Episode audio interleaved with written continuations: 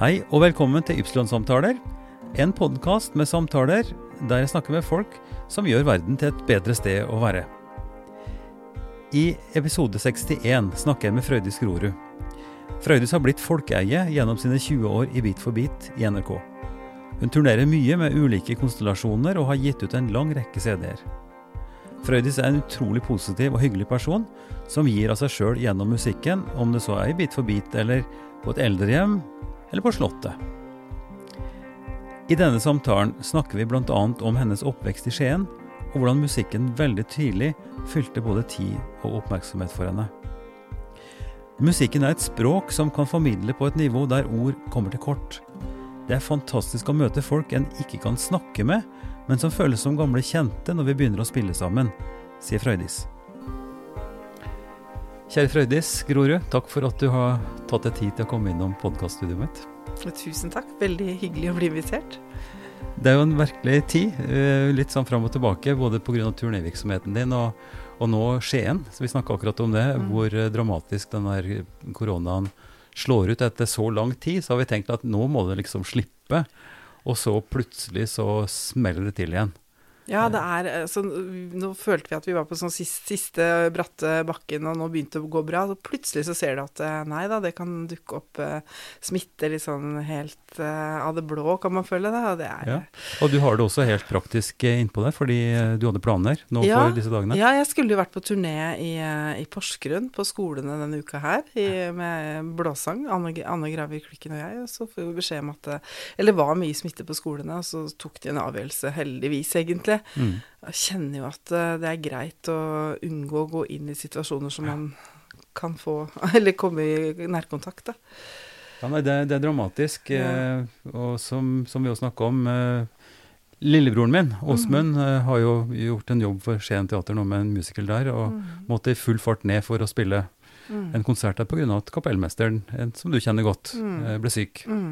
Og det er han også som har hatt ansvar for 17. mai-opplegget, så det ja. henger vel også i en tynn tråd, antagelig? Det er sårbart alt sammen. Altså, føler man, jeg, jeg, har sagt det, jeg føler jeg går i et slags sånn minefelt. Jeg har gjort det hele, hele den koronatida. Fordi at uh, man er så nært på situasjoner som åh, der kunne det ha skjedd. Og så har jeg, jeg har gått veldig klar og vært veldig heldig sånn sett. Men, men, det er jo bare uflaks eh, at man havner i de situasjonene. Selv om man er veldig forsiktig, da, ja. så kan det skje.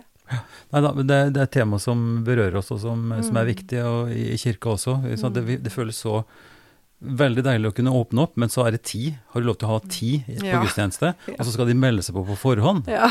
Eh, og, og, de som går til kirka, er vel ikke akkurat de mest datakyndige, mange av de. Så skal de ringe, og så skal vi Altså, det er så mye surr. Så vi Og det er jo banalt og enkelt i forhold til, til det at man blir syk, men eh, mm. Ja, nei, det, det, er en vanskelig tid, men vi kan ikke dvele for mye med det. Eh, Neida, jeg har lyst til at vi skal vi se på, på, det som eh, Jeg ble faktisk overraska når jeg hørte at du hadde vært oppe på en veldig lang og interessant turné helt nylig. Eh, mm. På, på, en kulturell spaserstokken-opplegg. Ja, ja. Fortell litt om det. Du, altså, det var uh, Akershus musikkråd, de kaller seg fortsatt Akershus. Mm -hmm. Så mhm. det er rett og slett en turné som er på alle aldershjem og omsorgsboliger i gamle Akershus. da. Ja. Uh, og det er en pianist som heter eh, Trond Akerø Kleven, som mm. nå bor i Drammen, men som også kommer fra Grenland, som meg. da. Ja. Han er noen år yngre, så jeg har bare hørt, uh, hørt mye fint om han, men vi har ikke jobba så mye sammen. Og så er jo han organist nå i Åsia kirke, ja, så vi har jobba litt der. Og så plutselig så Ja, han spør meg i hvert fall har du lyst til å bli med på en sånn turné. For han er litt sånn fast sånn hus, uh, huspianist for Akershus Musikkråd, ja, og det vil jeg jo veldig gjerne. Og det har vært veldig viktig, for jeg, det var en av de turneene vi tenkte denne, denne sannsynligvis kan gjennomføres på, på, på en, i en eller annen form uh, uansett. For de, de, eldre nå er jo ferdig vaksinerte. Mm. Med, med, de som jobber der, da. Så vi har vært på Det var egentlig 54 konserter vi skulle ha gjort, og vi klarte 32, da. Eller det var, 30, det var, noen som ikke kunne ta imot besøk, men vi er jo veldig fornøyd med at vi kunne komme rundt til såpass mange. Ja. Og det har vært en utrolig fin turné. Fordi det, det, er noe spesielt å komme inn på et eh, sånn bo- og servicesenter eller et gamlehjem, ja. som man sa i gamle dager, ja. der det sitter eldre som, som har mange minner. Og, og, dessverre så er det blitt sånn nå at, eh, at det er ganske mange som er, som er ganske syke, altså som, Mm. eh, som er ganske Mm. dårlige, rett og slett. Ja, du skal nok være ganske syk og Ja, og kanskje også ha demensproblematikk Mm. og og litt glemsomme. Men Ja. hva musikk gjør med det? Og sanger? Si litt om det. fantastisk. Nei, altså, det, det er jo Det er jo så sterke møter, for det det, det er akkurat som eh, de våkner de våkner opp, på en måte. Det er noe som skjer. Plutselig kan du se en person som tilsynelatende er- sitter med ja, ikke, ikke du får ordentlig kontakt med, men så kommer det kommer alle fugler små de er. Og så bare begynner de å synge. Og det her har vi hatt mange opplevelser med at de mennesker som nesten har mista språket sitt, de, de synger tekster. Ja. Så, så det, er, det er liksom intakt der, da. Så det er, det er så fint, og de er så takknemlige. Mm. Det, det er, eh, det er sterkt å være innom og se det, altså. Så vi har hatt så, så fin runde, og liksom du blir løfta litt av å se Mm. at musikken har den enorme betydninga, den virkninga på folk som den har, da. Eh, Det kan vi ta og føle på. Ja. Ja. Og det er noe rart med det, eh, som jeg for så vidt har litt erfaring med sjøl òg, med Mm. når du står på en scene, når du formidler musikk til noen, Mm. så skulle man tro at det er en slags repetitiv øvelse der du formidler det stoffet du kan, og bare gjør det, liksom. Mm. Og bare leverer en konsert. Mm. Men det, men det rare er jo at det her er nytt hver gang. Nytt, Eh, I møte med folk som responderer, og det skjer Mm. et eller annet Ja, magisk er en sånn Mm. floskel, men det er et eller annet der i rommet når musikk blir utøvd som som er eh, sterkt berørende, og som en kanskje ikke har ordentlige ord for heller. Men, men du har prøvd å si litt om det, vet jeg. Ja, ja nei, men jeg syns bare det er, eh, det, det er eh, så utrolig fint å få lov til å gjøre noe så meningsfylt. Da. Og jeg tenker på når du sier demente, det er jo mange demente som sikkert eh, hver dag må forklares at nå er det korona, du må bruke antibac, eller nå, jeg må ha munnbind på, eller Og de, de husker jo ikke det fra gang til gang. Så jeg tenkte at å, det må jo være tøft å jobbe i Mm. de settingene nå, og, og slitsomt, rett og slett. Men det da å få lov til å komme inn der og være en liten sånn mm, halvtime med bare, bare glede og noe sånn positivt, og, og at de, de har det Du ser jo at de Åh, det er deilig. At de har savna det, på en måte. For det, det var mange steder de har ikke hatt noe aktivitet. Nei. Og det var ganske trist å høre liksom at alt er tatt bort. Altså, de hadde bingo, de hadde sånn lesesirkel, og de hadde håndarbeid og konserter, og ingenting har kunnet være. Vi Og besøk og pårørende. Selvfølgelig, Ja. ikke minst Mm. det.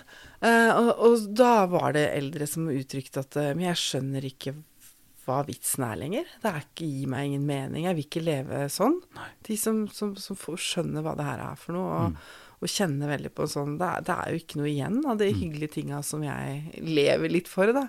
Så det er jo, det er jo tøft. Mm. Det er jo vart lenge nå. Mm. Så ja. Men uh, dette her er jo Hvis vi skal destillere det helt ut, så er vel det dette du lever for og med som musiker, som utøvende musiker. Ja. Det å formidle musikk og lage musikk i rom sammen med andre for, ja. for et publikum. Ja, det er sant. Ja, jeg er jo veldig opptatt av publikum, egentlig. Eller jeg føler hele tida at uten dem så er jeg, jeg det, det er en sånn eh, vektskål, altså en balanse, den kommunikasjonen mellom publikum og det som skjer, som nesten man ikke kan si hva, hva, hva helt skjer, men sånn en følelse av at eh, det er noe som bare virker sammen. Vi er avhengig av hverandre. Og, og, og det å altså være en sånn kulturformidler for om det er eh, de aller eldste eller små barn. Altså jeg kjenner mer og mer på at det er en utrolig fin jobb, Mm. og Mm. viktig. Eh, viktig jobb. Jeg, jeg har vokst opp med en mor som eh, var eh, barneskolelærer og veldig opptatt av å synge og spille eh, s- med barna. Da. Og de sang jo alltid.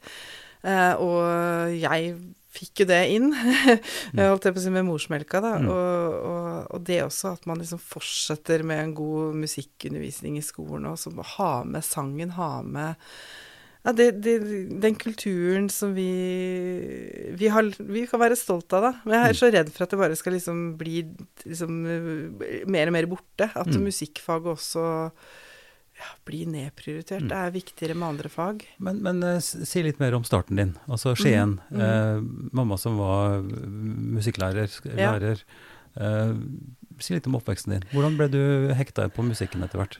Ja, altså Jeg har fått høre at jeg sang før jeg snakka. eh, og- jeg har alltid vært veldig sånn glad i å synge. Mm. Eh, Det kom nok spesielt fra henne. Så jeg vokste opp i en generasjonsbolig med besteforeldrene mine i første etasje, og vi eh, da fire barn og mor og far i andre etasje. Mm. Bodde ganske trangt, eh, så etter hvert så fikk vi eh, lov til å låne et par rom nede hos besteforeldrene mine. da. Mm. Og de hadde annet et piano i stua, og det, det var aldri noen som ba meg om å sette meg dit, der og spille, men jeg gjorde det. liksom. Jeg elska det pianoet. Så det har vært eh, liksom Jeg har fått høre det så mange ganger. Kom hjem fra skolen, det smalt i døra. Jeg går ikke opp, jeg går rett inn til besteforeldrene mine, setter på den pianoet og begynner å spille. Og det var, da var jeg ganske liten. Så eh, det tror jeg har vært litt viktig for meg, og bare at ingen liksom rundt har liksom pusha på en måte og sagt Mm. at du må sånn og må sånn. Jeg gjorde jo nesten litt som jeg ville med, med den musikken. Så jeg begynte med pianotimer Mm. hos en eh, pianolærer i, i nærområdet. Da. Mm. Og jeg likte jo ikke å øve på de leksene. Jeg, jeg likte det derre sp- spille vilt. Ja. Og det sa til slutt at vet du, jeg kan ikke fortsette å ha time med deg, for det, du øver jo aldri på det du skal. Du spiller jo bare vilt. Uh, ok, det var Da skulle du spille sånne små sånne, sånne skalaøvelser, Ja, ja, ja. leksene ned Ja, ja, ja. og, og så- Czerny videre. Det var sikkert, jeg burde sikkert øh, følt litt mer med i timen der og gjort det jeg skulle, altså. Men, men jeg, jeg satt og lagde låter. Jeg, så jeg hadde en liten kassettspiller ved siden av pianoet, husker jeg. Mm. Og har sånn opptak hvor jeg liksom Nå hører jeg tusler tusle bort øh, øh, Kassettbåndet går, og, og trykker av og på og bort, og så spiller jeg små låter. Ja. Og da var jeg sikkert ikke mer enn seks-sju år. Stilig. Så det har vært et eller annet som, som bare har vært der hele veien. Ja. Men Min bestemor spilte piano også, da, Mm. sånn at eh, hun syntes jo det var koselig. Det var, aldri, det var aldri sånn 'Å nei, ikke spill', og det var bare Men hun også sa 'Du skal ikke spille med på leksene dine', da. Eh, Men jeg satt og improviserte. Mm. Ja, ja. Men jeg visste jo ikke hva improvisasjon egentlig var. Nei. Så det, kom, det har kommet veldig sånn umiddelbart. Men Eh, fikk du, også- fikk du utløp for den uh, musikaliteten og, og den spillegleden da, i, i, sammen med andre? På skolen eller i korps eller sånn, kanskje? Ja, altså på skolen så, så spilte jeg mye piano med klassen, og det tror jeg var litt på eget eh, initiativ. Så hvis vi hadde musikktimer, så hendte det at jeg satt og spilte litt komp. Mm. Og det òg var barneskolen. Eh, men hvor bra det var, det, det aner jeg jo ikke, men jeg gjorde det i hvert fall og syntes det var gøy. Mm. Og så var det da moren min som kom med alle de her sangene, og jeg og en venninne av meg, vi sang stort sett en ny sang hver dag for klassen. Vi fikk lov til det. Og da hadde jo frøken, da, som vi kalte henne, læreren vår, sa at eh, mamma at skjønner ikke hvor Frøydis lærer alle de sangene. Kommer så mye nytt. Nei, men ja, det er mulig at det er fra meg, da, sa jeg. Så, så det har jo vært en veldig sånn sterk eh, ja, Så dette var ikke ting som du laga sjøl, dette var til sanger som du lærte? ja, barnesanger og skolesanger. Ja, Ja. folketoner og barnesanger og jo alt mulig. Motsberg, kanskje? Ja, den, det tror jeg eh, nok. Absolutt Mats Berg. Og så Mm. hadde vi noen sånne sangbøker som vi har, Mamma har de fortsatt, sånn rød og gul og blå. Og jeg er ikke helt sikker på hva de heter, men ja, alt fra sånn 'Flikka ned av vannet' Ja, ja, til sånne eh, viseting. Visere. alt mulig. Mm. Men så blei det korps etter hvert. da, En venninne av meg som begynte på, på fløyte, og jeg tenkte at eh, ja, men jeg har lyst til å begynne, med jeg vil spille trommer, da. Mm. Det var liksom, Jeg ville spille lyre, egentlig, sånn klokkespill, for det så så fint ut. Mm. Eh, men når vi kom til det korpset og skulle velge instrumenter, så hadde de ikke noe lyre. Nei. Og da ja, det var greit å velge noe som var litt kjent, og da var det ja, venninne på fløyte. Ja, men da, da tar jeg fløyte der. liksom. Det var litt sånn. Mm. Jeg hadde ikke tenkt så mye på det. Men det, det gjorde jeg en del år da i Skien skolemusikk. Mm. Så det var jo også fine år, og da var mamma og pappa i styret, og Ja. alle vi fire var jo innom korpset. Skikkelig familiebusiness. Det var jo egentlig det. Det er jo ofte sånn at Ja. familien, Ja. eh, interesser som familien har og støtter opp om. Ja. Du ser altså på alle plan, eh, eh, idrettsfolk og Mm. ikke sant, disse hopperne som forteller med tårer i øynene hvor Eller langrennsløpere. Pappa var med, eller mamma var med på alle renn Ja. og smurte skia og ikke sant. Det er noe der, altså. Det er veld, jeg er jo veldig takknemlig for det, da. Mm. Eh, Det er jo bare jeg som tok musikken liksom videre, men, eh, men vi hadde jo fine år eh, i korpset alle sammen, tror jeg. Og vi fikk jo turer, ikke sant, Mm. til utlandet. Vi Ja. var med på stevner og fikk ikke minst spille sammen. På, det, var fi, det er en fin måte å starte Mm. på. Mm. Det er liksom å kunne være en del av en gjeng. Og jeg, jeg sparka jo en del fotball på et tidspunkt eh, parallelt, eh, eh, men, men der satt jeg mye på benken og venta. Mm. Så det ble veldig, etter hvert veldig sånn tydelig for meg at ja, men i korpset der kan jeg jo alltid få være med å spille. Ja, ja. så slutta jeg da på fotballen liksom Ja. i, til slutt nesten som protest. For jeg syns nei, det her vil jeg ikke bruke tida mi på. Nei, og det er, jo, det er jo et klassisk problem. Det er vel noe som alle som har vært i fotball, av foreldre og unger, og som det går en stund, og så, og så blir på en måte ferdighetsnivå og på en måte Mm. lag, lagferdigheten da trumfe deltakelse fra den som ikke er av de beste, liksom. Ja, hvis du er veldig god, så blir du jo valgt ut. For det er ofte sånn på en trening så kan det være ganske alle skal med, men når det kommer til kamper, så Ja, er det så mange sterke meninger om at nå kjører vi på de beste. it. Vi har opplevd mye av det samme også. Ja. Med, mm, men eh, men eh, ok, så, så korpset er jo en slags de facto eh, springbrett, eller, Ja. eller startplanke, på en måte, da, for, for i hvert fall, for du det er jo blås som er livet ditt nå. Ja, det blei det, men jeg har hatt piano veldig sånn parallelt. Så Ja, jeg var ja. eh, i, I perioder har jeg gått inn og ut og tenkt at ja, men det var jo pianist jeg skulle blitt. Jeg, jeg har på en måte Når jeg setter meg ved et piano, så det blir veldig sterkt for meg. Jeg elsker liksom den verden der. Jeg føler jeg kan sitte liksom og ja, kanskje forsvinne inn i en sånn der veldig meditativ Jeg elsker bare å sitte ved et piano og spille. Ja. Og lager jo musikken min Du komponerer der. med, ja, med ja. piano. Mm. Så det vil jo Men jeg, men nå, jeg, jeg måtte liksom ta et valg, syns jeg etter hvert, da. Mm. Eh, men jeg har jo I noen prosjekter så spiller jeg litt tangenter også. Mm. Men, eh, men eh, nå har jeg et sånn avklart forhold til det. Ja, jeg er jo en blåser. Det er jo Mm. liksom melodi Ja, for det vi fra utsida kjenner det som, Mm. gjennom de, Ja. De prosjektene som er blitt veldig godt kjent. da. Det er nok det, altså. Mm. Så, så blei det jo et bytte på instrument etter hvert. Da tror jeg nok jeg sto ved en sånn, et veiskille, det var rundt ungdomsskolealder, hvor jeg tenkte at jeg blir, altså fløyte, jeg bare, jeg fant meg ikke helt til rette. Mm. Eh, litt med den korpslitteraturen også, som er mm. liksom mye triller og Mm. Ja, det, var, det var liksom en sånn Og jeg hjemme satt jeg og hørte på jazz. Eh, Så, så, så da oppdaga jeg etter hvert en saksofon, også, og etter et sånt sommerkurs jeg var på. Mm -hmm. og når jeg kom hjem etter den sommeren, da, så sa jeg bare til formannen, eller dirigenten var det vel, at eh, Mhm. nå, nå har jeg bestemt meg, jeg skal begynne å spille saksofon, Mhm. eller så slutter jeg. Mm. Og det, de syntes jo ikke det var en god idé, for jeg hadde jo kommet noen år på vei, ikke sant. Men sånn, ok, vi har en tenorsaks som ligger på, på det derre materialrommet. Du kan få prøve den. Og jeg var helt Altså, det var, det var jeg, jeg var helt solgt, altså. Jeg, det, Ja. det var det er sterkeste jeg nesten har opplevd et instrument som jeg bare Nå! Men så rart, altså, for det er jo en annen teknikk. Ja, ja, En helt annen blåseteknikk, og Ja, det er jo et helt helt. annet instrument. Og jeg begynte jo på en måte på scratch igjen, men det Mm. ga meg et sånt For jeg gikk på sånne M eh, Norges Musikkorps Forbund hadde sånne fine sommerkurs oppe Mm. i Kviteseid. I Telemark vi Mm. var på. Og det var jo de som var kanskje mest interessert fra korpsa, og i hele fylket møttes jo der. Mm. Så jeg skjønte at hvis jeg skal få lov til å være med det kullet mitt videre, så må jeg bare bruke det første året her på å øve som en gal, for å ikke måtte dumpe, liksom, eller Ja, ja, ja. gå noe om Mm. igjen. Og det var det jeg gjorde, så det var vel kanskje sommeren åttende klasse eller sånn. Så satt jeg hjemme og øvde på saksofonen, og så tenkte jeg skal, jeg må, jeg må, jeg må klare det. Og så kvalifiserte jeg til å bare følge det kullet videre. Mm. Så det var jo noen eh, Det var mye rart, eh, mye lyder. Jeg har en nabo som mente at det, når vi spiste middag, så hørte vi bare den saksofonen i nabogata. Forferdelig. Men nei, jeg, jeg syns det, var- det var helt fantastisk. Jeg tror bare jeg fant meg sjøl, liksom. Ja. Ja. Det er, det er interessant. Veldig Ja. interessant hva som klikker på den måten. ja. Eh, Vi har jo her i Drammen et fantastisk eh, eh, saksofonmiljø. Ellen Ja. Marie Davidsen. Ja. Eh, og vi i Fjell eh, har jo nytt godt av det i mange mange år, med Ja. Aquador, den der unge denne kvartetten. Og de, Mm. disse ungdommene de får jo priser å spille. Det, det er et nivå som er helt vanvittig.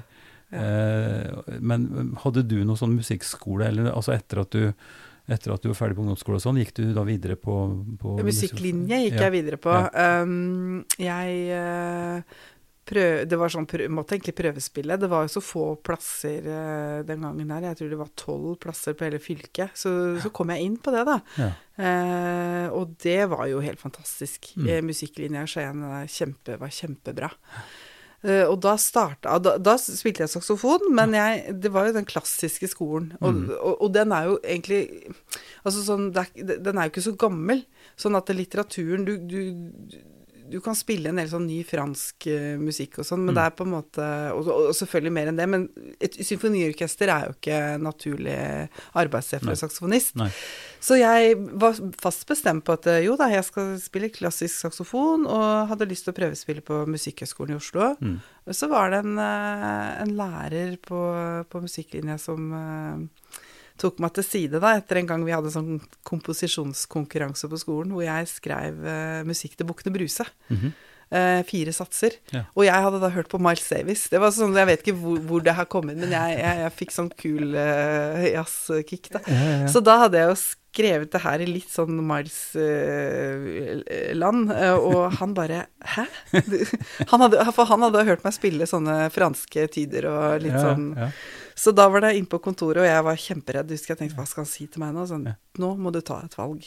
Eh, For det jeg hørte der, du vet at eh, det er noe som heter jazz, og man kan spille jazz, men da kan, må du det, Jeg syns du må velge, da. Ja.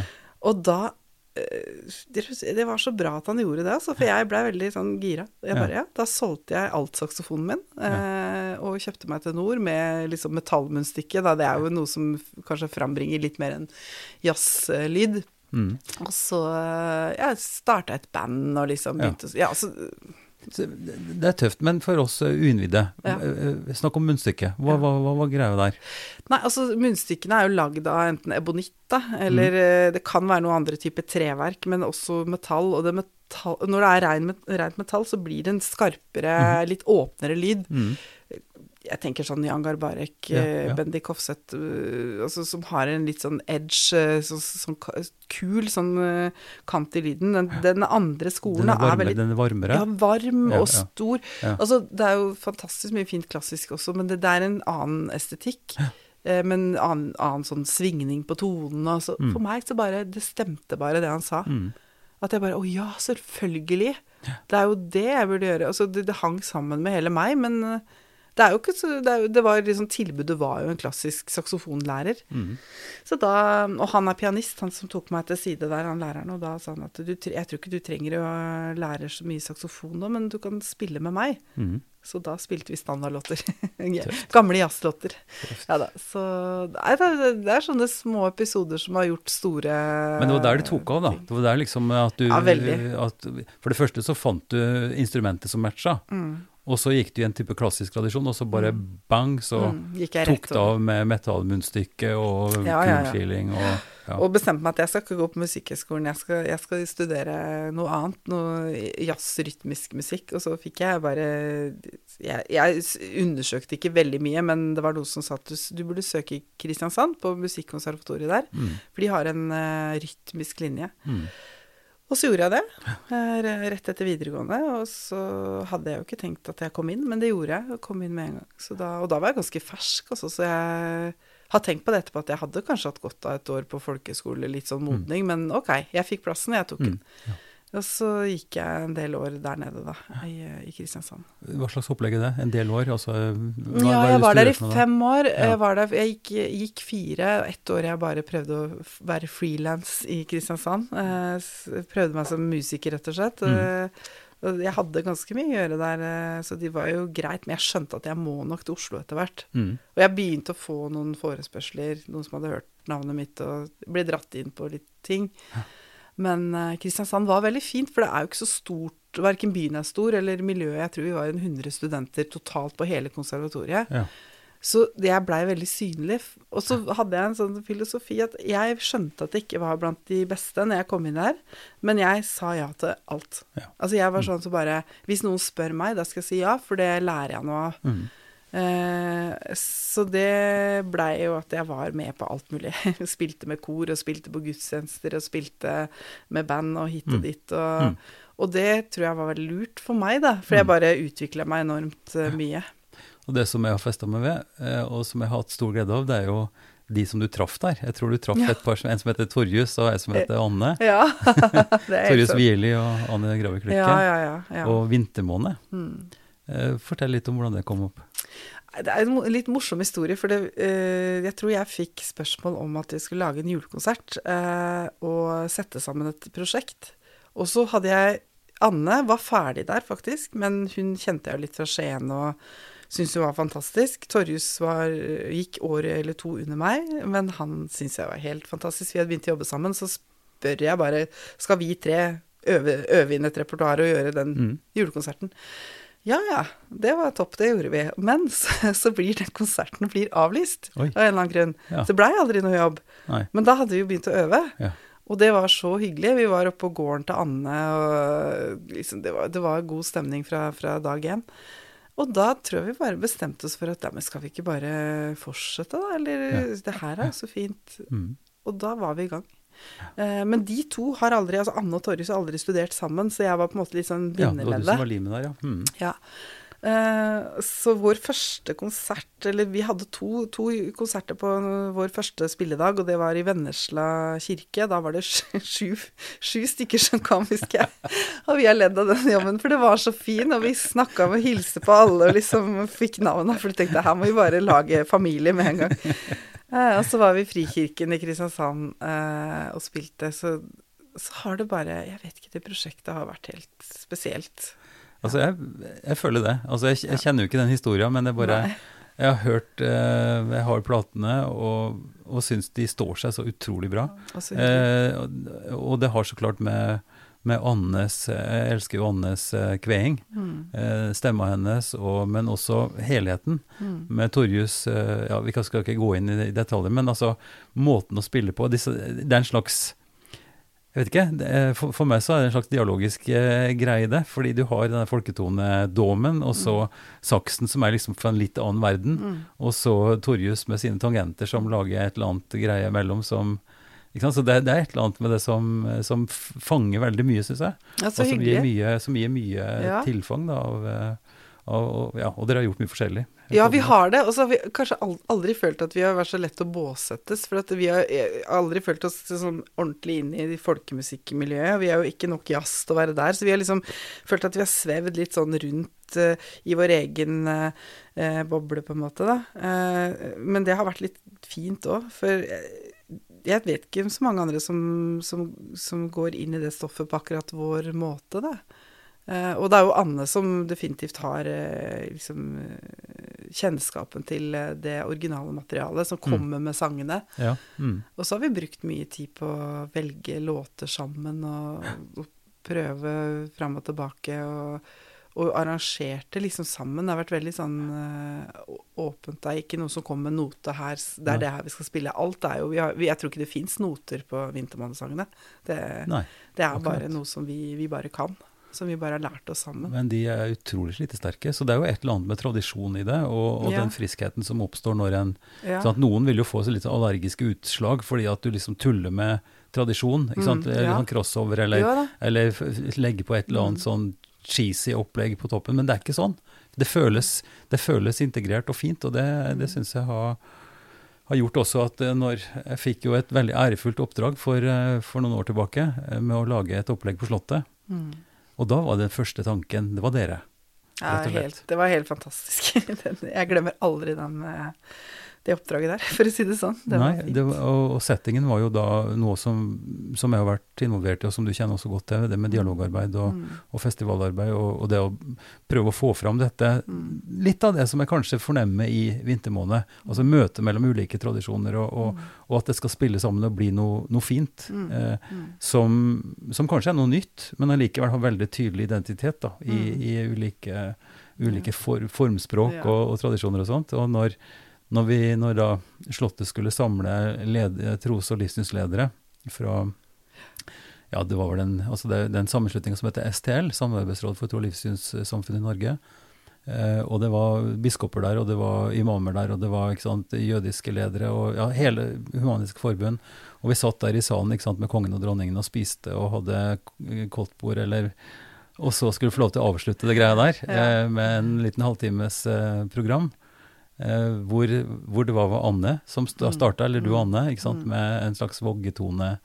Eh, ideen var liksom at vi skulle formidle noe som vi synger til barna våre, på en måte i en slags trøst, eller, eller i, i, i en, en, for, en, en fornemmelse av helhet, da, eller, eller trygghet, på en måte. Og, og det tenker jeg også er kanskje det som er drivkraften, ikke minst i musikken, men også i dialogarbeidet. At vi lager oss en plattform som er solid nok til å stå på, sjøl om vi er forskjellige. ikke sant?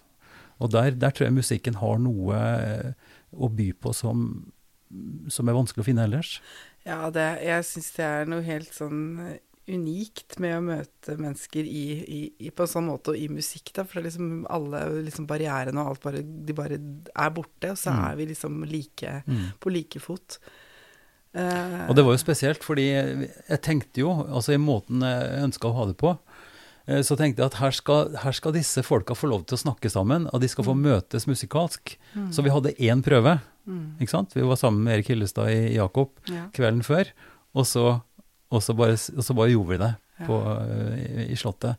Og det, gjør, det, gjorde også at det var noe, noe veldig friskt og, og, og, spenningsfullt rundt det, samtidig som ble det veldig fint. da. Jeg elsker den måten å kunne jobbe på, at man på en måte beholder den friskheten og nysgjerrigheten og og, det du sier med liksom hvordan man ja, møtes i musikk, det er den der når man har den sterke kjærligheten til det stoffet, du har liksom noe på hjertet som du vil formidle, da skjer det noe òg. Og det, jeg tenker at de andre artistene som var med den kvelden, det er jo mennesker som jeg liksom du, jeg kjenner når du snakker om det, så blir jeg liksom varm. Mm. Det var så fine, fine Eller en utrolig fin opplevelse. Både, både, de som spilte, men hele den dagen var mm. sterk. Ja ja, det å kunne tusle rundt der og spise lunsj eh, i Slottets eh, kantine og det, det.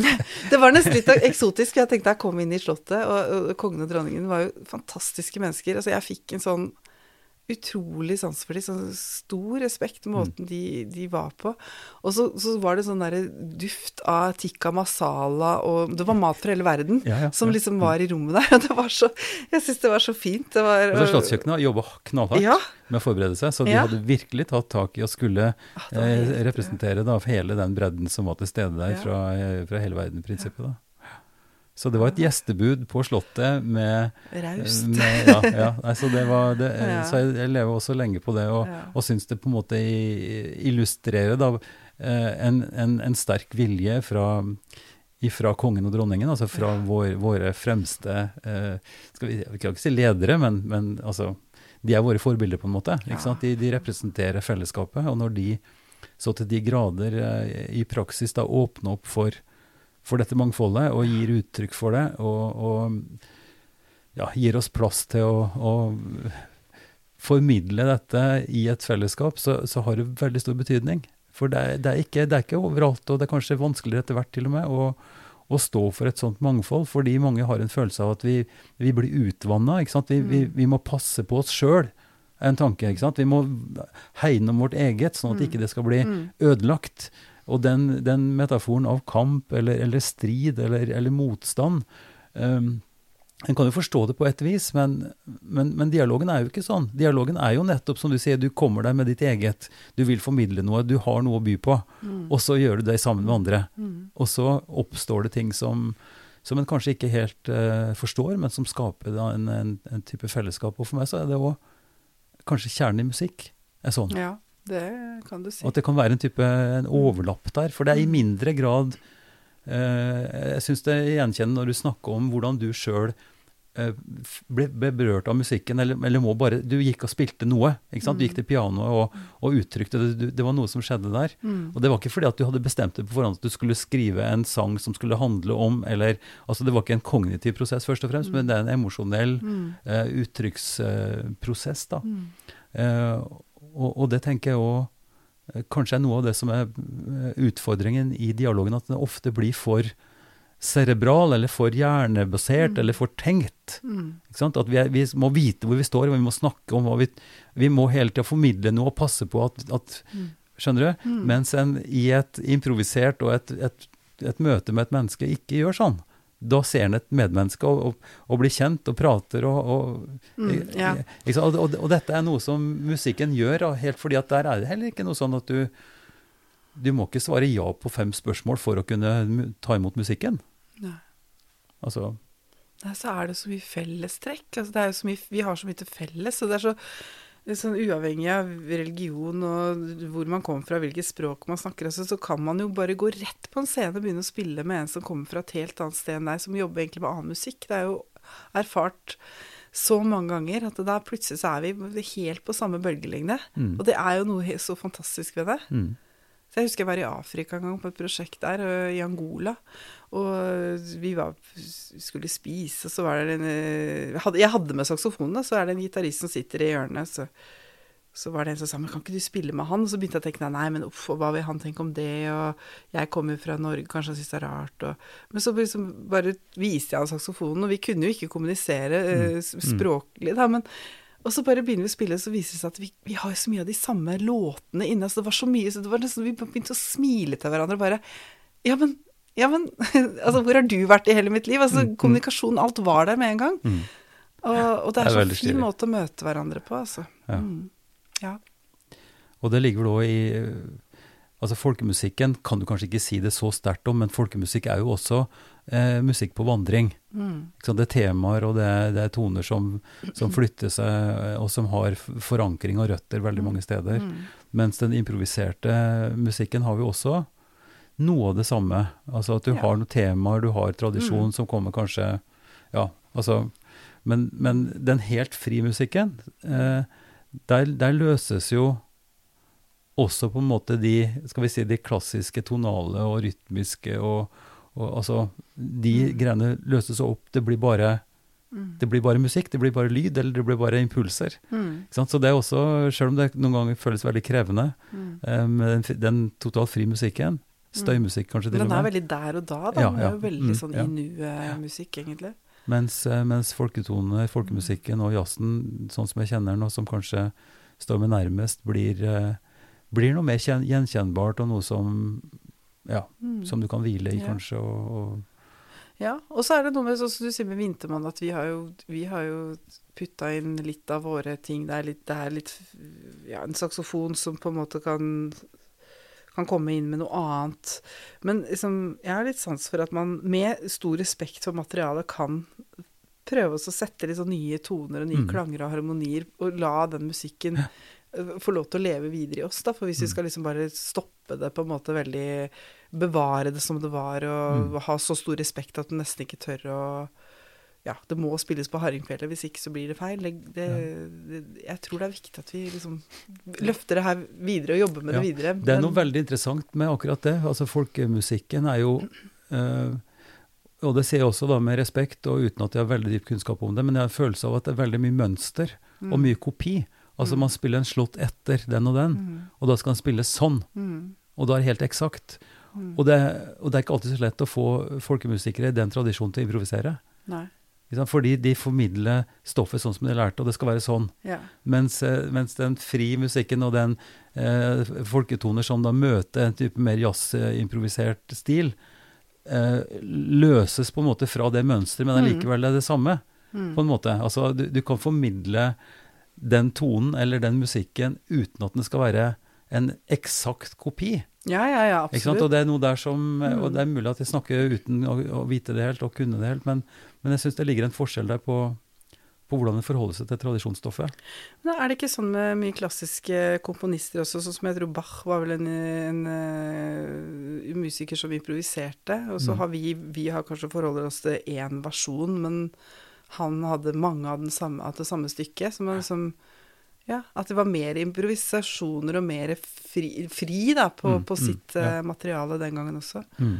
Så Nei, det, jeg har akkurat lest igjen eh, en bok av Albert Schweitzer, mm, som eh, var jo et, et universalgeni. Han var lege, han var forsker, han, han skrev Bach-analyser. mm, Organist, ikke sant, Mm. og, og lege, ja, alt mulig. Men han sier noe, noe om det der. Altså Mm. hvordan musikken kan spilles ut ifra det som var Bach sine også instrumentale forutsetninger. Ja. Med orgel, hvordan det var konstruert. Hvordan musikken forandrer seg når du smeller opp på et automatisk svært eh, gigantorgel i forhold til et Ja, Ja. Ja, ja, Så det, det er mange ting som spiller inn, da. mm. Men, eh, men eh, Frøydis, vi, vi må jo snakke om, eh, om annet enn vintermåne og, og, og dette her. Fordi eh, det som folk flest eh, kjenner deg for, vil jeg nok tro, det er jo gjennom NRK og Bit for bit-prosjektet, Det var jo et, og er et ganske interessant opplegg. Kan ikke Ja. du si litt om det, hvordan det kom i gang? Jo, det, det, det, kan, det kan også være en, det, er en bro fra vintermåned til, til NRK, egentlig. Fordi at uh, jeg ble spurt om å være med i et TV-program. da. Jeg fikk en telefon fra NRK. Eh, og jeg sa først nei, det går ikke faktisk, for jeg er på turné med Vintermåned i USA. Vi skulle på en liten sånn kirkekonsertrunde der, og det var jo stort. Mm. Det var i 99. Mm. Så jeg hadde jo ikke tenkt å, å hoppe av den. Så jeg takka pent nei, og tenkte egentlig ikke så mye mer på det. Men så kom det en telefon på nytt. Så var sånn, er du helt sikker på at ikke du kan flytte litt sånn og sånn, sånn at du får til å, å bli med på første opptak, da? Mm. Og så så jeg at jo, det går jo egentlig. Hvis vi flytter på én dato, Mm. så skulle jeg klare det. Så fra da vi var satt på noe sånn, var det halloween eller sånn, jeg husker veldig godt, eh, borti Minnesota-området, så dra, drar jeg en dag før de andre hjem, Mm. og med jetlag og full pakke, og rett opp til NRK-studio. Så jeg er jo veldig glad da, for at de tok den telefonen og liksom ikke ga seg. For jeg visste jo ikke hva jeg hadde sagt eh, nei til, jeg. Det var Nei. jo ingen som egentlig visste hva det her skulle bli. Nei. De skulle prøve en sesong, eh, men så blei det jo 20 år, da. Og det var Ivar Dyrhaug som det var starta? Ivar Dyrhaug. Så jeg husker veldig godt at han var der da. Det, liksom sånn, det var stort. Han har alltid vært en person som jeg har sett veldig opp til fra tidligere også, men Mm. Hvorfor det?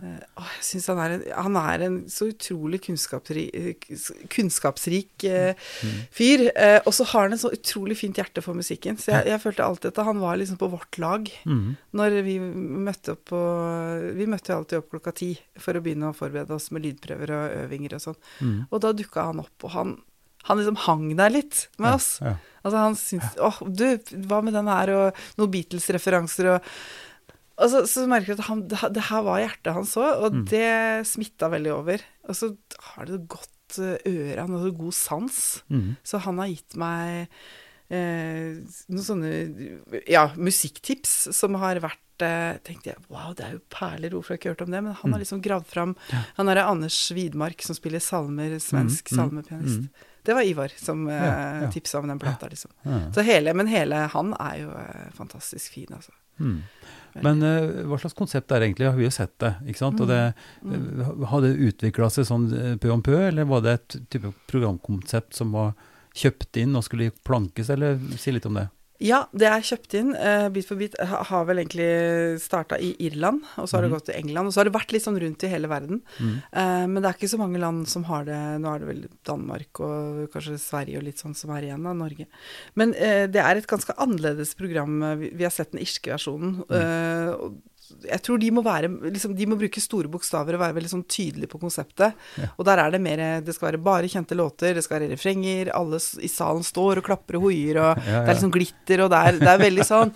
Så de i irene har vært og, innom og kikka på vår versjon, og kan nok tenkes at de syns at vi har tatt en litt annen retning. Mm. Men jeg tror den, er liksom, den, måtte, den måtte gå den veien Ja. hvis den skulle gå her, da. Mm. Mer fokus på artistene, at man skal få, få fram musikalske, sterke Mm. øyeblikk, og at det er helt fint å ta en ballade. Det er ikke kjedelig, det kan bli sterk Mm, mm, mm. Ja. Men altså, så, vi har jo utvikla det over år, og vi har fått påvirke det ganske mye og vi i bandet. Vi har alltid vært med i dialog og blitt hørt. Det starta jo mer sånn kaotisk, eh, hvor vi liksom tok et opptak i, i ett strekk uten pause, og vi følte at liksom Oi, hva, hva blei det her? Liksom blei det bra? Mm. Men det har blitt kanskje mye mer sånn velregissert, og man, ja, man har en, kanskje en sterkere plan for hvor Mm. man vil, da. Mm. Og litt for å ivareta artistene, for det var kanskje noen år hvor eh, det var litt mer sånn stup og skyt, og var du litt sånn frampå artist, så vil du komme godt ut av det, men var du litt Ja. beskjeden, så vil Ja, du kanskje ikke få vist så mye. Men nå har de blitt veldig gode på det, syns jeg, så nå Mm. er det sånn mye mer balansert mellom eh, de fire det er, jo de, det er jo de fire sangerne som er der, som skal få lov til å skinne. Mm. Det er jo det som er viktig. viktig. Har du noen uh, sånne gylne øyeblikk som du kan tenke på? Eller det er sikkert mange etter så mange år. Men. Jeg har veldig mange gylne øyeblikk, egentlig. Uh, Men det er nesten sånn vanskelig å Vanskelig å trekke fram. Men eh, Odd René, jeg husker vi gjorde den Moon over Bourbon Street, som jeg fikk spille lang saks-solo, liksom. Og det er, det er jo liksom veldig gøy når vi får litt sånn plass som det. Ja. Mm. Men det har vært det har vært eh, store helter. Lisa Nilsson og har vært innom liksom, som du står og tenker bare, Oi, wow. Men jeg syns nesten at noe av de fineste øyeblikka er når det kommer noen uh, mer ukjente artister Det var en liten pode her fra Drammen eh, for ikke så veldig lenge siden, f.eks. Ikke sant? Ja. Ja. men det er så hyggelig, for det, det programmet har vært en døråpner for mange artister. Ja. Og det vet jeg mange har sagt at oh, Bit for bit, det var den gangen da, da For i starten, jeg vil si de kanskje ti første åra, så var jo det var liksom alle på en måte så på Bit for bit, så, så du, fikk du et uh, moment der, så ville det bli Ja. lagt merke til, da. Mm. Så, og da syns jeg vi var ute og gjorde en veldig, veldig veldig viktig jobb. Mm. For det, det er ikke så lett å være ny og ukjent og skulle vise hva man kan, da. Men den tida er vel egentlig litt over? altså For at, at NRK liksom skal være den store samlingsplassen. Ja. Nå er det fryktelig mye streaming, det vet vi jo. altså Vi ser på filmer og serier og, Ja. Og se på Dagsrevyen i opptak og ja. ikke sant. Ja, liksom Lineær-TV er vel ikke som det en gang var. Vi hadde Nei. jo veldig høye seertall en periode, hvor jeg tror jeg var over millionen. Ja. Jeg vet ikke hvordan det har vært uh, på slutten, uh, egentlig, men uh, det, jeg, mer, jeg har merka forskjell på at folk Hvordan de henvender seg. At det, at det føltes som at alle så det en periode. Mm, ja. Men etter hvert så Å nei, jeg har ikke sett Bit for bit på mange år. Det var litt Ja. Ja, nei, det, det er nok litt sånn for flere Mm. av oss, må jeg si. Det gjelder jo flere av disse her tradisjonelle programmene, og til og med talkshowene begynner å slite. ikke sant? Det, Ja, ja, ja. Nei, men så når en ting har gått så lenge, eh, så er det kanskje på tide å tenke at eh, kanskje det er greit også at man eh, ja, Jeg syns det er så bra at det er, et, er musikkfokus, at Mm. man har musikkprogrammer med levende musikere, og Mm. at man eh, Og ikke minst ikke skal bli stemt ut. det var jo noe av det mest sympatiske med det programmet. At det var jo aldri viktig hvem ja. som vant heller.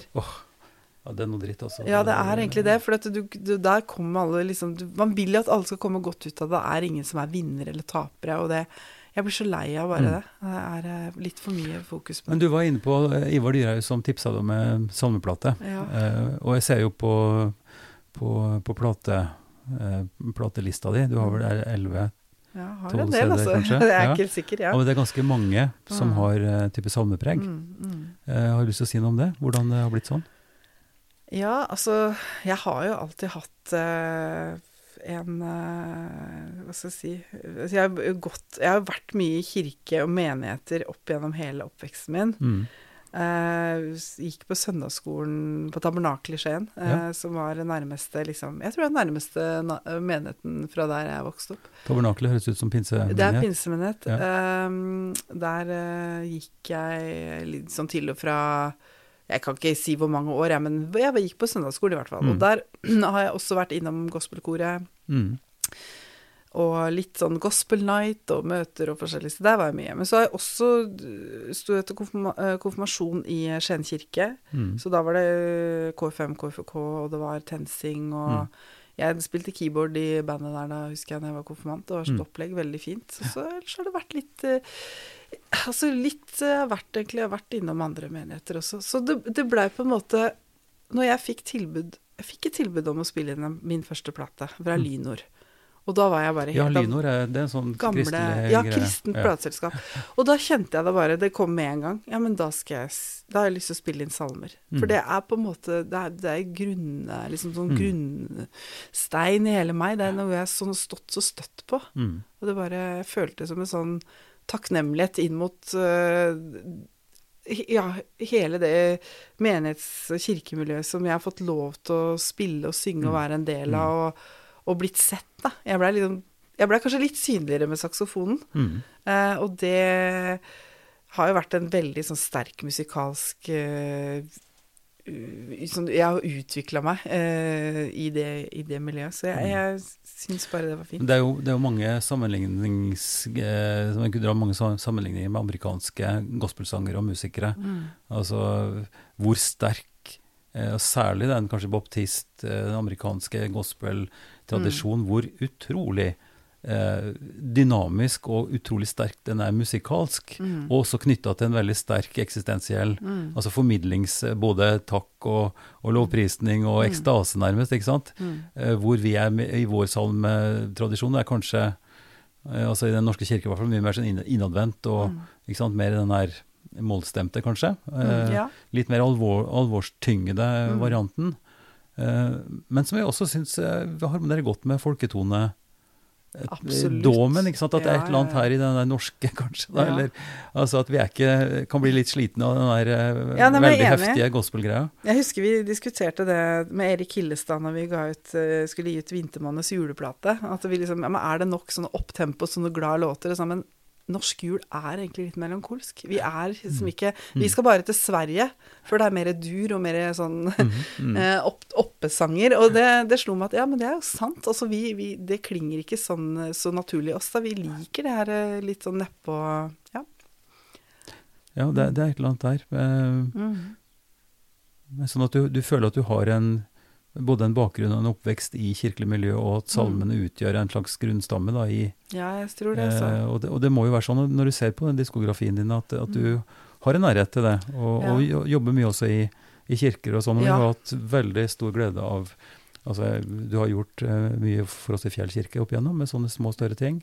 Og sant, ikke minst i festivalen. Eh, så. Drammen Mm. Sacred, som, Mm. som jo ikke er en kirkefestival, men som er en, en, en festival hvor vi samler folk for å kunne formidle og høre på ulike tradisjoner og ulike også religiøse uttrykk. Mm. Men hele tida den her forankringa i en type verdi, Mm. verdisyn eller Mm. anerkjennelse Mm. av eh, det medmenneskelige, eller det vi snakka om i forbindelse med, med Slottet. ikke sant? Det, Mm. det er noe av den, det trykket og det Det føltes bare utrolig sånn naturlig del av meg. Og jeg har hatt en sånn filosofi på at jeg skal prøve alltid å inkludere salmestoffet uansett, på en måte. Det er, jeg kan godt spille på jazzkafé eller på klubb eller kulturhus, men, men det, aldri, det trenger aldri bli feil å spille den formidlende salmene. Og du merker det jo på responsen òg, at det er godt for folk. Og så har jeg jo vært litt nysgjerrig på det her med salmene uten tekst. Jeg formidler melodiene. Mm. Teksten er jo der, men den er jo allikevel ikke der. Eh, og liksom prøver å leite fram til melodier som jeg kjenner kanskje at har en sånn ekstra dimensjon eh, melodisk, som, som, som bærer, bærer med seg liksom historien og, og, og, og budskapet. Eh, altså Det fins jo veldig mange fine salmemelodier, men noen har en egen mm, Det er liksom det er eget lys, da. ja, ja, mm, Eh, så, så det har vært eh, spennende. Så, så, og det, det føles som det, man åpner opp litt mer, og eh, at selv om man ikke har en, et så nært forhold til de salmene, så er det mange som har sagt at ja, men åh, de salmene er jo bare så fine. De gir jo gjenklang. mm. Selv om man ikke da går fast i en kirke eller har en, mm. en personlig tro, da. Så jeg, jeg syns bare de har en sånn, noe sånn utrolig sterkt over seg. Mm. Eh, Så jeg vil nok alltid vende tilbake på en måte til det stoffet. Mm. Og så er det spennende å jobbe med ulike musikere på det, og se hvor, hvor, eh, hvor man kan liksom finne veier musikalsk. For jeg har liksom vintermåned med den folketone, jazz eh, Ja, liksom uh, arrangeringa kanskje på den ene siden, og så kan man dra mer inn i det gospel-landskapet. Jeg syns også det er veldig gøy. Mm. Mm. Eh, og jeg gjorde jo også en salmeplate med Ulf Nilsen, Ja, uh, som vi spilte i, i Bragernes kirke. Og for de som ikke kjenner han, altså, det er jo en helt unik og helt uh, rå Han, han, er, han er i en egen kategori, syns Ja, jeg. han er helt egen kategori. Jeg, altså, jeg står og Jeg får så sterke opplevelser av, av å, å høre han spille at noen ganger så tenker jeg at nå, nå vet jeg ikke om jeg klarer mer. Liksom det blir Men han er, han er helt unik, så den, den plata altså betyr enormt mye. For det, den er veldig der og da. Det er alltid veldig der og da med Ulf. Ja. Det er liksom, vi kan gjerne ha øvd i forkant, men det blir jo aldri sånn som vi har planlagt. Nei. Og da er det bare å bli med på tur. Eh, og ja. Nei, så, så, så men det er, det er, eh, det er fint materiale som, uh, som jeg er glad for at jeg liksom får lov til å låne og bearbeide. Mm. Mm. Nei, det er, jo, det er jo veldig fascinerende å se på eh, altså Ditt navn står jo ofte på plakaten når det er disse store julekonsertturneene. Mm. Eh, og det som skjer eh, nettopp i det, i, i det området som du nå var litt inne på, hvorvidt folk syns det er greit å gå i kirka eller ikke. Mm. Altså, og kirka har en Og kanskje igjen, da, hvis jeg skal tenke litt høyt rundt det, så, ha, så handler det om at folk ser for seg presten som står der og, og, holder på, liksom, og skal Mm. fortelle de ting.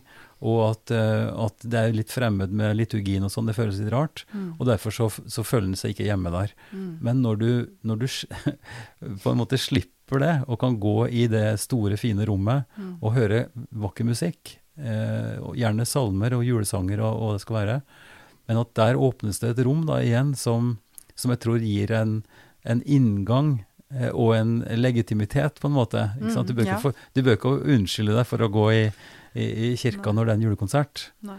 Og det er et eller annet her også med de tersklene som jeg syns er så utrolig Ja, er- interessante å ja, tenke det. over. Mm. Eh, eh, og så kan vi, må jo så klart eh, Altså De som går i kirka på gudstjeneste, gjør det fordi at de ønsker å gå på gudstjeneste, og den har sin form, og det må man bli vant til, tenker jeg, på mange Mm, måter. er Omtrent sant. som du blir vant til kaffe og, Mm. og hva du nå drikker av rare ting eller spiser. ikke sant? Du må, Mm. du må lære det smaken, og du må sette pris på det. Det er litt, litt der. Mm. Eh, men det som gudstjenesten formidler, eller det vi ønsker skal skje der, er jo det som skjer på det, den beste julekonserten. Mm. Ikke sant? Den følelsen av at du blir sugd inn i det, at du er Mm. til stede, at du våkner opp på en måte og blir berørt. da. Mm. Eh, og det tenker jeg må være et privilegium også for, for deg og, og for dere som kan kjøre rundt i landet og fylle kirke etter kirke etter kirke. Ja, og så syns jeg det er Det har jo vært litt sånn kritikk rundt det her med de store julekonsertene hvor man liksom er du bare ute og melker en uh, stor kommersiell ku på en måte og bare er kynisk og Men så jeg, jeg er liksom ikke enig i det, for jeg, jeg tror at uh, det handler jo om til syvende og sist å skape en sånn god opplevelse for folk som søker inn i kirken. Jeg har, jeg har fått så mange tilbakemeldinger på at ja, det har vært sterkt å få lov til å være på en sånn konsert, og jeg, de har følt seg Nå er terskelen litt lavere for å gå inn i kirka, og, og at det ikke Ja, altså, det, det har vært liksom fine opplevelser for folk, da. Mm. Jeg føler vi gjør noe meningsfylt.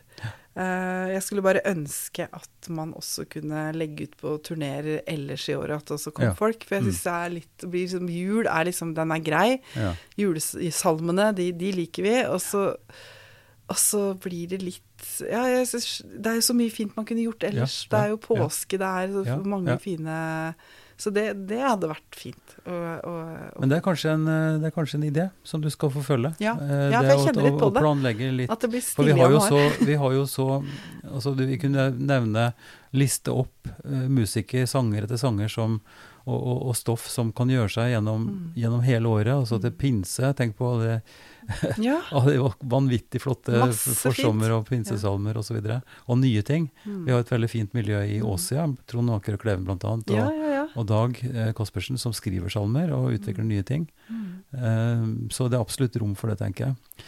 Vi går mot slutten, eh, rett og slett. Ja. Den timen har gått fort. Men, Ja. eh, men nå, nå planlegger vi jo for tolvte gang Drammen Secret Music Festival Mm. i, fra den 18. til 26. september.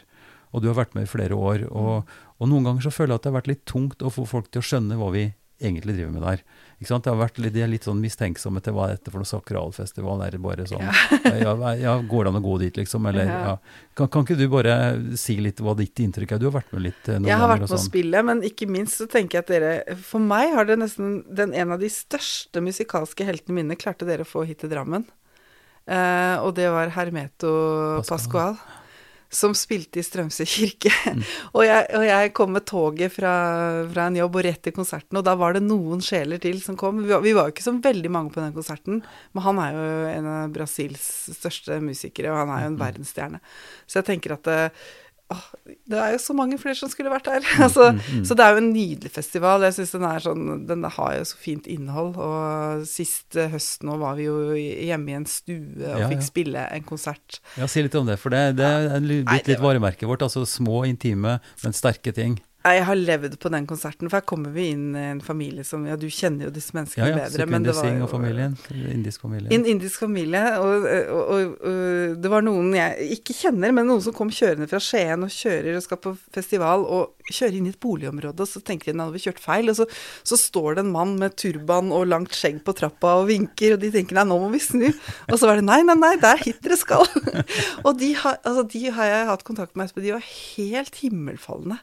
Og da komme inn i det hjemmet der, og så står vi og spiller. Vi spiller salmer, vi spiller viser, sanger, alt Mm. mulig. Og det var Altså, den kvelden Jeg har nesten ikke vært borti noe mer sånn spesielt. Det var, 20, var det 20 mennesker som Ja, fikk komme? Da, da var det jo ikke sant, korona igjen, ja. altså. Det var 20 som var grensa. Nå fyller vi opp eh, I år så har vi vel fem-seks sånne konserter. Ja. Og da håper vi at vi skal kunne slippe inn flere, da. Men, men det, er jo det, det er jo det unike. At du blir så eksponert som artist. Du står helt oppi i de som skal være der, og så er det et hjem som er gjestfritt, hvor de får kanskje litt mat. Og, altså Ja, det var, det var spesielt. Jeg følte nesten ikke at de ville at vi skulle gå, og vi hadde jo ikke lyst til å gå heller, så vi blei der kjempelenge. Og vi prata om alt og livet, og det, det var liksom så åpent, tenker jeg. Men sånne møter, det er jo så, så viktig og så fint. Jeg skulle ønske flere kunne få ta del i det, liksom. At vi åpner opp Ja, åpner opp Mm. hjemmet vårt, og så Kom inn, liksom. Her er det her, her kan du være deg, og det følte jeg veldig på. Og, det, og, da er vi liksom i kjernen på det det betyr å være menneske, og kanskje mm. spesielt et sted som Drammen, hvor vi ja. er så mange forskjellige. Enig. Eh, og hvor vi har den avstanden som gjør at vi ikke liksom helt tør og er litt forsiktige. Og, mm. og, og, det å kunne ha den befriende følelsen av at du blir invitert, og folk er gjestfrie og vil at du skal komme. Ja. Eh, og at det så er litt av festivalens eh, ånd, om du vil, mm. og kanskje også det vi vil skal være profilen i Drammen. At vi skal ha et åpent og gjestfritt sted mm. hvor hvor en sånn festival også er et varemerke på hva vi, hva vi vil for og med hverandre.